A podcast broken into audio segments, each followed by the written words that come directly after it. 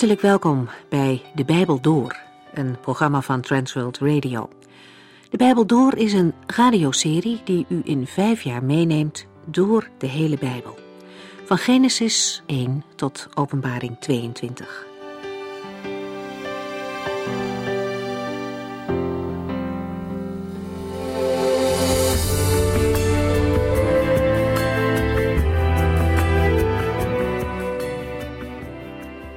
We zijn bezig in het boek Handelingen en u bent weer van harte welkom.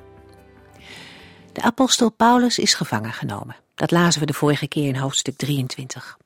Hij zal ongeveer twee jaar in die gevangenschap doorbrengen, voordat hij zich op de keizer beroept en naar Rome wordt gevoerd. Hij is al vaak gewaarschuwd door bekenden om niet naar Jeruzalem te gaan. Had hij naar hen moeten luisteren? Was dit wel de weg van de Here? Juist als het moeilijk wordt, kun je dat gaan denken. Dat het wel een verkeerde keuze geweest zou zijn. En toch, we hebben gezien dat het niet zo werkt in het koninkrijk van God. Paulus ging de weg van God. Die was niet makkelijk. Maar dat betekent niet dat het niet Gods weg was. Paulus moest zich in het vorige hoofdstuk voor de raad van de Fariseeën en Sadduceeën verantwoorden. En met een paar woorden krijgt hij het voor elkaar dat deze partijen samen in een felle discussie belanden. Als Paulus zegt dat hij terecht staat vanwege de opstanding van doden, valt dat verkeerd bij de Sadduceeën, want die groepering geloofde namelijk niet in een opstanding of in engelen. De strijd in de raad zelf wordt zo heftig dat Paulus wordt teruggebracht naar de burcht Antonia. De Romeinse overste is bang dat hij anders letterlijk een slachtoffer van de twist gaat worden. En die nacht spoort de opgestane Jezus zelf Paulus aan om vol te houden. Hij belooft hem dat hij ook in Rome zal moeten getuigen. De arrestatie van Paulus leidt ertoe dat de naam van de Heer Jezus alleen maar verder bekend zal worden in de wereld. De volgende hoofdstukken die we in het Bijbelboek Handelingen gaan lezen, zijn een verslag van de weg van Paulus naar de hoofdstad van het Romeinse Rijk. Intussen zijn er ontmoetingen met hooggeplaatste mensen. En Paulus gebruikt al die momenten om te vertellen van zijn Heer en Heiland. We gaan verder vanaf hoofdstuk 24.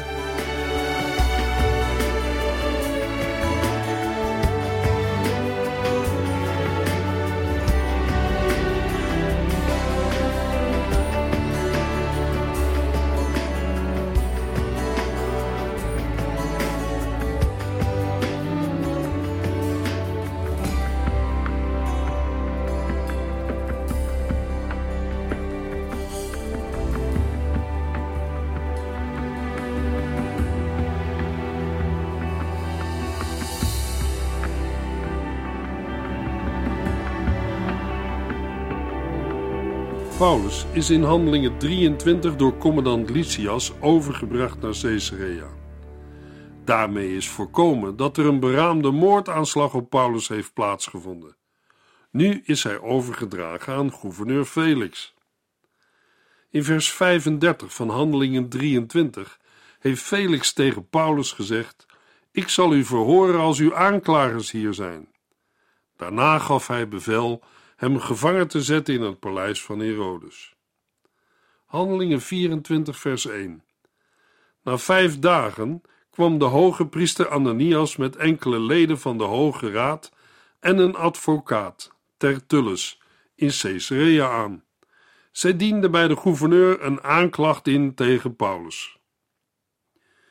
In Jeruzalem hebben de Joden van Lysias te horen gekregen dat Paulus naar Caesarea is overgebracht. De aanklagers verspillen geen tijd. Ze komen vijf dagen later in Caesarea aan en dienen een aanklacht in tegen Paulus.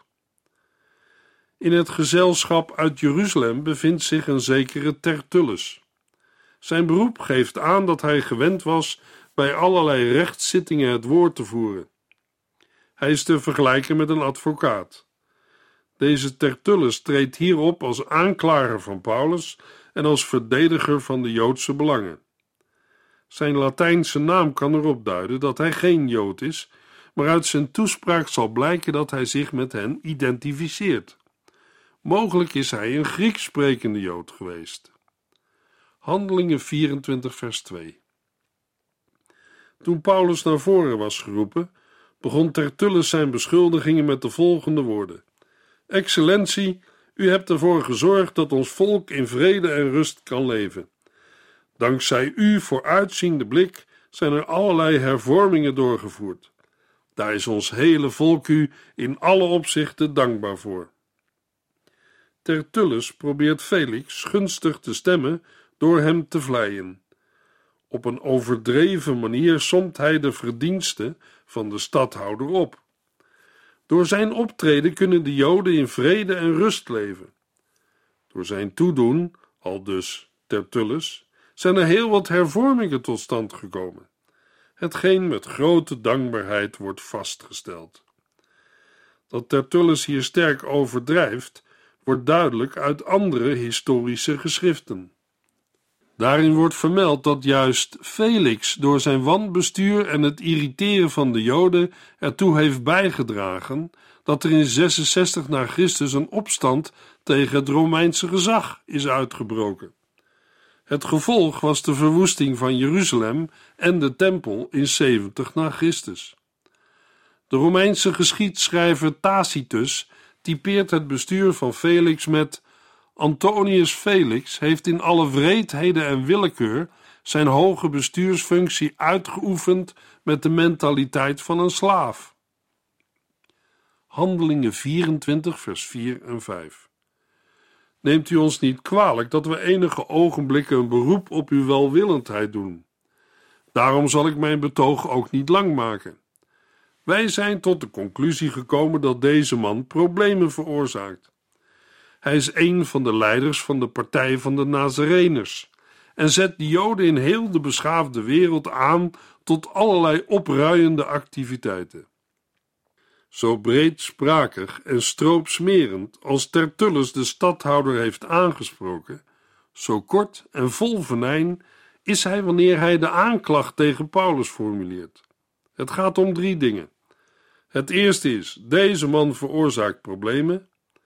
In de Griekse grondtekst staat minachtend: deze man is een pest. Paulus wordt vergeleken met een gevaarlijke en besmettelijke ziekte. Het tweede is dat de apostel overal in de wereld waar Joden wonen aanzet tot opruiende activiteiten. Terwijl Felix juist overal de vrede en de rust wil handhaven. Het derde wat door Tertullus wordt aangevoerd is dat Paulus een leider is van de secte van de Nazareners. Het Griekse woord voor secte is een neutraal woord en betekent partij, groep of school. Maar in de mond van Tertullus krijgt het woord een negatieve klank, meer de betekenis van een secte. Handelingen 24, vers 6 tot en met 9. Toen hij ook nog probeerde de tempel te ontwijden, hebben we hem gevangen genomen. Wij wilden hem volgens onze wet veroordelen. Maar commandant Lysias greep toen in en heeft hem met geweld bij ons weggehaald. Hij gebood dat wij ons tot u zouden wenden. Door hem zelf te ondervragen kunt u aan de weet komen of het juist is waarvan wij hem beschuldigen. De andere Joden vielen Tertullus bij en zeiden dat hij gelijk had. De algemene aanklacht wordt nu een concrete beschuldiging. Paulus zou een poging gedaan hebben om de tempel te ontheiligen. Om die reden hebben zij de apostel gegrepen en waren zij van plan om hem voor dit vergrijp overeenkomstig de Joodse wetgeving te oordelen. Ook Tertullus geeft de feiten zo weer dat de Joden in een gunstig daglicht worden geplaatst. In werkelijkheid zou het te hoop gelopen volk Paulus ter plekke hebben vermoord als de Romeinen niet tussen beiden waren gekomen. Van een inhechtenis nemen en een proces volgens de Joodse wetgeving zou beslist geen sprake zijn geweest. Op ontheiliging van de tempel stond de doodstraf, en omdat het om een godsdienstig vergrijp ging, had het Sanhedrin de bevoegdheid om een veroordeling uit te spreken. Het was belangrijk om de gebeurtenissen zo weer te geven, omdat daar juist de mogelijkheid lag om Paulus alsnog uitgeleverd te krijgen en te laten berechten door de Joodse Hoge Raad. Tussen de regels door wordt Lysias van onjuist handelen beschuldigd. Hij heeft ten onrechte ingegrepen toen hij met geweld Paulus buiten het bereik van het volk en de Joodse leiders heeft gebracht. Zo is hun deze zaak op geforceerde en onterechte wijze uit handen genomen. Immers, al dus Tertullus, het gaat hier om ontheiliging van de tempel, een zaak die de Joden zelf mogen afhandelen. De aanklacht van Tertullus eindigt enigszins abrupt. Het doet een appel op de stadhouder om zelf een onderzoek in te stellen. Handelingen 24, vers 10 en 11. De gouverneur gaf een teken dat het nu Paulus' beurt was om te spreken. Omdat ik weet dat u al vele jaren de rechter van het Joodse volk bent, zei Paulus, begin ik met goede moed aan mijn verdediging. Zoals u zult kunnen nagaan, kwam ik pas twaalf dagen geleden in Jeruzalem aan om onze God te aanbidden. Paulus krijgt het woord om zich te verantwoorden en te verdedigen. Hij begint niet met allerlei vleierijen, zoals Tertullus, maar spreekt Felix op correcte wijze aan en geeft uiting aan zijn vertrouwen op een goede afloop. Handelingen 24, vers 12 tot en met 14. Mijn aanklagers hebben mij met niemand zien discussiëren, mij nergens een oploop zien veroorzaken, noch in de tempel, noch in de synagoge, noch in de stad. De dingen waarvan zij mij beschuldigen, kunnen zij niet bewijzen. Maar ik geef toe dat ik de God van onze voorouders dien volgens de richting die zij een partij noemen. Ik geloof alles wat er in de wet van Mozes en de boeken van de profeten geschreven staat. Paulus gaat uitsluitend in op de door Tertullus geuite beschuldigingen. Hij weerlegt de beschuldigingen en zegt dat zijn aanklagers niets kunnen bewijzen van de zaken waarvan ze hem beschuldigen. Hij is geen oproerkraaier en heeft ook de tempel niet ontheiligd. Elk bewijs daartoe ontbreekt. Paulus maakt duidelijk dat de manier waarop hij de Heer aanbidt overeenkomt met het Oude Testament. Hij gelooft met heel zijn hart wat in de wet en de profeten staat geschreven. Het christelijk geloof is geen nieuwe godsdienst, maar ligt in het verlengde van het Joodse beleiden dat door de Romeinen was toegestaan. Handelingen 24, vers 15. Evenals zij verwacht ik dat God zowel de goede als de slechte mensen na hun dood levend zal maken. Deze verwachting en hoop op God, die de apostel deelt met de fariseeën uit de Hoge Raad, heeft hier tot inhoud de opstanding uit de doden van alle mensen, zowel rechtvaardigen als onrechtvaardigen. Daarover wordt ook in het Oude Testament gesproken. De apostel spreekt hier niet rechtstreeks over de opstanding van Jezus Christus, maar zijn opstanding is er zeker bij inbegrepen. Handelingen 24, vers 16 en 17. Daarom doe ik mijn best om voor God en de mensen altijd een zuiver geweten te houden. Na jaren in het buitenland te zijn geweest, kwam ik in mijn land terug met geld voor de armen van mijn volk en offers voor God. Paulus was niet naar Jeruzalem gekomen om een oproer te beginnen, maar voor het brengen van offers aan God en met geld voor de armen van zijn volk. Handelingen 24, vers 18 tot en met 21. Men zag mij daarmee in de tempel. Ik was naar behoorde gereinigd, had geen mensen om me heen en maakte geen drukte. Dat werd anders toen een paar Joden uit Azië aan mij zagen. Die hadden blijkbaar iets tegen mij. Zij zouden hier moeten zijn om hun aanklacht bij u in te dienen. Maar wat deze mensen hier betreft, laten ze eens vertellen wat voor schuld ze in mij hebben gevonden toen ik voor de Hoge Raad terecht stond, behalve dan dat ik daar heb geroepen: Ik sta hier vandaag terecht, omdat ik geloof dat de doden weer levend zullen worden. Wij weten niet of Paulus al vanaf het begin het voornemen had om in Jeruzalem offers te brengen. Het brengen van offers kwam pas ter sprake tijdens de ontmoeting van de apostel met Jacobus en de christenleiders in Jeruzalem. De offers hadden betrekking op de offers die gebracht moesten worden in verband met de reiniging en het nazireërschap van de vier mannen uit Handelingen 21. Paulus heeft met alle respect voor de Joodse wet en de tempeldienst de verplichting die hij op zich had genomen uitgevoerd. Gereinigd volgens de voorschriften was hij de tempel binnengegaan en had nooit de tempel ontheiligd.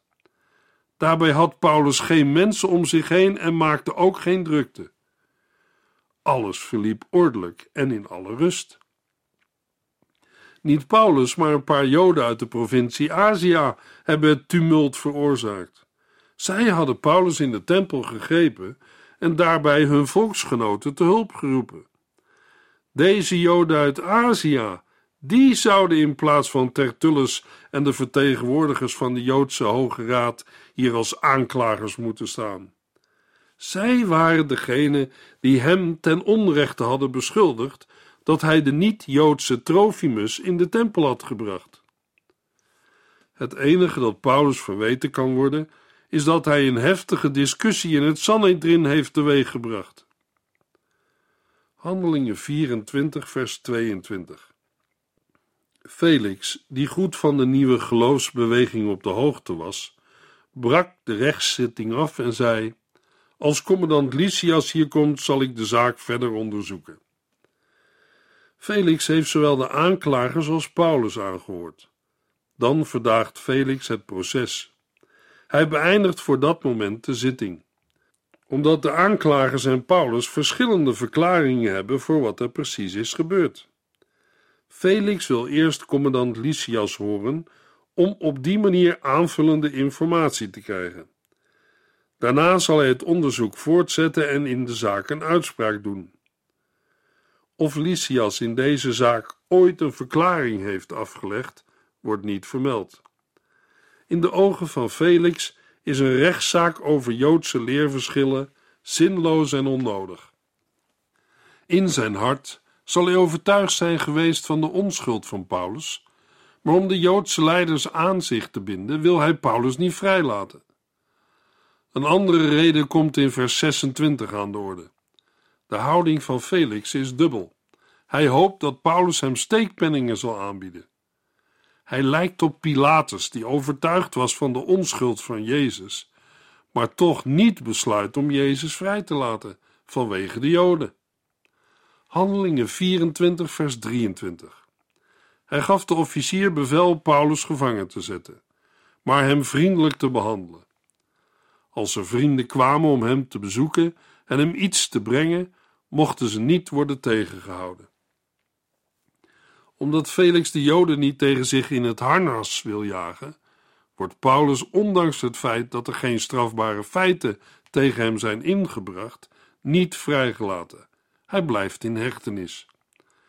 Maar zijn gevangenschap wordt minder streng. Na dit verhoor raken de Joodse leiders steeds meer op de achtergrond. De zaak Paulus wordt een Romeinse aangelegenheid. De Heere wil hem immers laten getuigen in Rome. Handelingen 24, vers 24 en 25. Een paar dagen later kwam Felix met zijn Joodse vrouw Drusilla in de gevangenis. Hij liet Paulus halen en luisterde naar wat hij over het geloof in Jezus Christus vertelde. Maar toen Paulus over rechtvaardigheid, zelfbeheersing en het komende oordeel van God sprak, kreeg Felix het benauwd en zei: Het is voorlopig wel genoeg. Als het me schikt, zal ik u nog wel eens laten roepen. Felix komt een paar dagen na de zitting met Paulus en de Joodse leiders in de gevangenis. Het wil zeggen dat hij naar het gedeelte van het paleis gaat waar Paulus gevangen wordt gehouden. Hij laat Paulus halen en bij zich brengen. Samen met zijn vrouw Drusilla luistert hij naar wat Paulus over het geloof in Jezus Christus heeft te zeggen. De apostel zal, naar het woord van de Heer in Handelingen 9, vers 15, Felix het evangelie hebben verkondigd. Vergelijkbaar met de prediking van Johannes de Doper tot koning Herodes Antipas en zijn vrouw in Lucas 3. Het is mogelijk dat Felix zelf interesse heeft gehad, al is het waarschijnlijker dat zijn belangstelling om meerdere redenen sporen van eigen belang dragen. De tekst sluit niet uit dat het aanhoren van Paulus op aandringen van Drusilla heeft plaatsgevonden. Als Joodse vrouw kan zij geïnteresseerd zijn geweest in het geloof in Jezus Christus.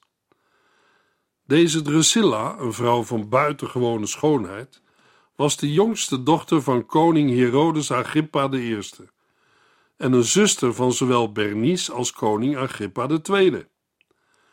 Om met stadhouder Felix te kunnen trouwen, had zij op 16-jarige leeftijd haar eerste man, koning Azizus van Emesa, een koninkrijkje in Syrië, in de steek gelaten.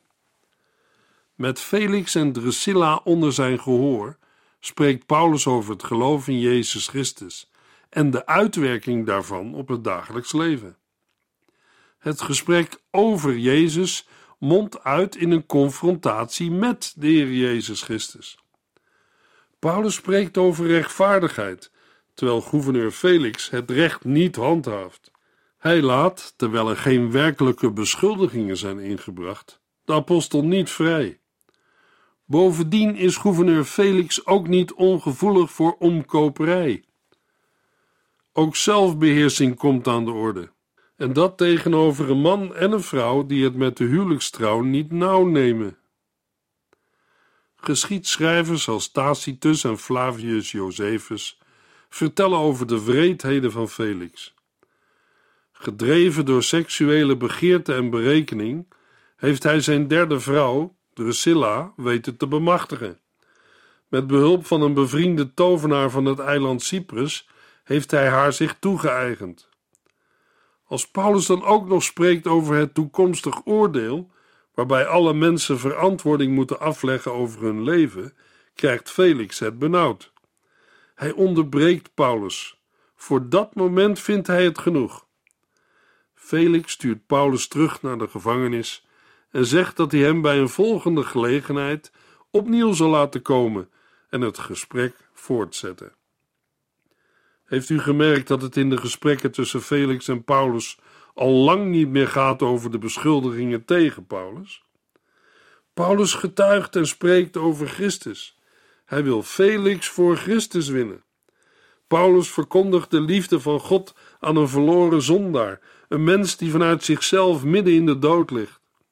Als de Heere het niet verhoedt, is hij voor eeuwig verloren. Luisteraar, kunt u begrijpen dat Felix het onder de radicale en ontdekkende prediking van Paulus benauwd krijgt? Felix en Drusilla bekleden hoge posities. De Heer heeft voor hen een privégesprek geregeld met een van de grootste predikers van zijn genade. In het paleis vindt een bijeenkomst plaats en Paulus mag de preek houden. De Heer Jezus had al gezegd dat hij was gekomen om het verlorene te zoeken en te vinden. Daarmee gaan zijn dienstknechten door. Psalm 2, vers 10 zegt: Wees daarom verstandig, koningen en heersers van deze aarde, en luister nu het nog kan. Ook vandaag klinkt deze oproep van de Heere: Luister nu het nog kan. Felix en Drusilla hebben met veel interesse geluisterd. Het heeft hen geraakt.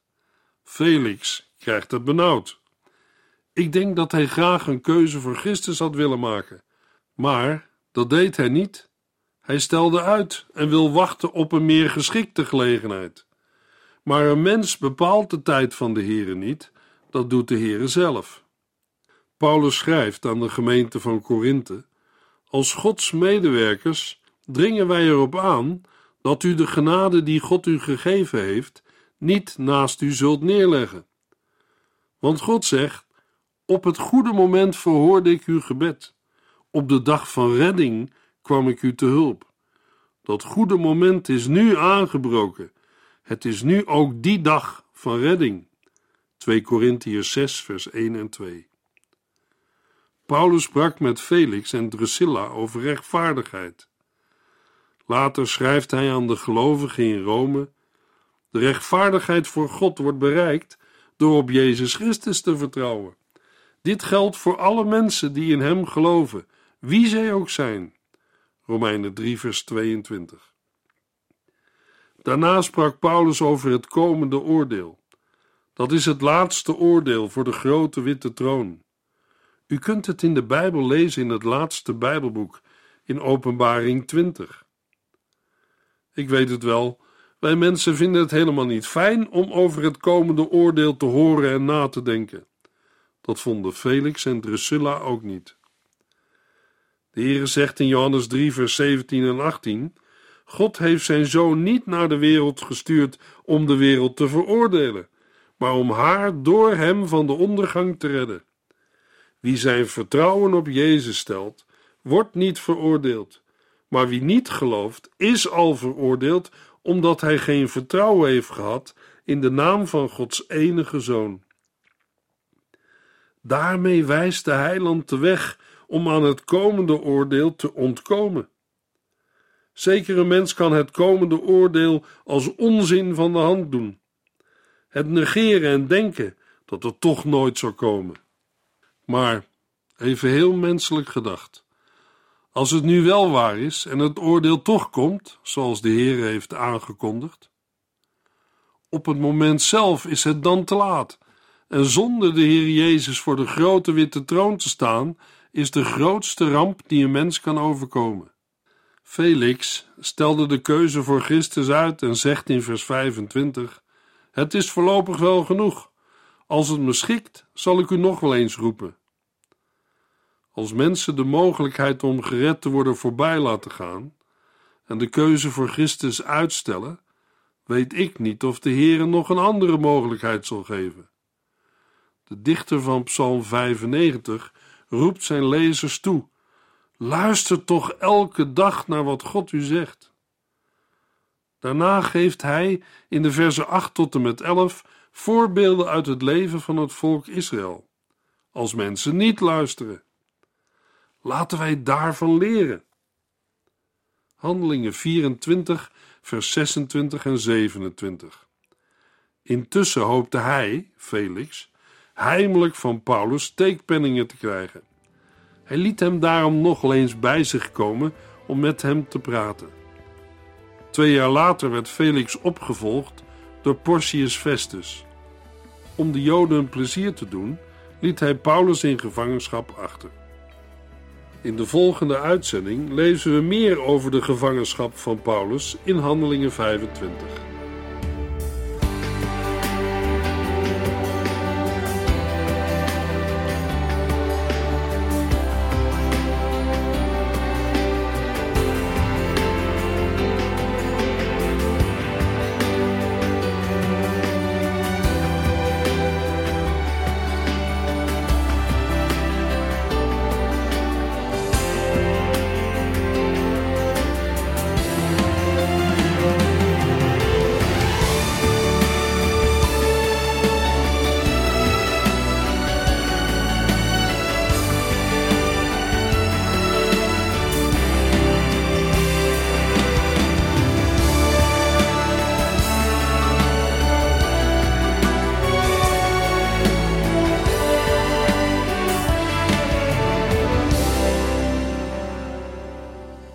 Geluisterd naar De Bijbel Door.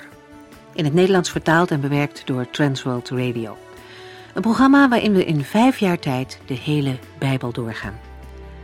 Als u wilt reageren op deze uitzending of u heeft vragen, dan kunt u contact met ons opnemen. Tijdens kantooruren kunt u bellen op 0342 47 8432. 0342 47 8432. 32. Ook kunt u een e-mail sturen naar de Bijbel door transworldradio.nl en natuurlijk kunt u ook via de post ons bereiken. TWR, postbus 371, postcode 3770, AJ in Barneveld. Dit programma werd gepresenteerd door Cor Weda en Ike André. Techniek was in handen van Odin van Woerdekom. En wij allemaal bedanken u voor het luisteren. Graag tot de volgende keer.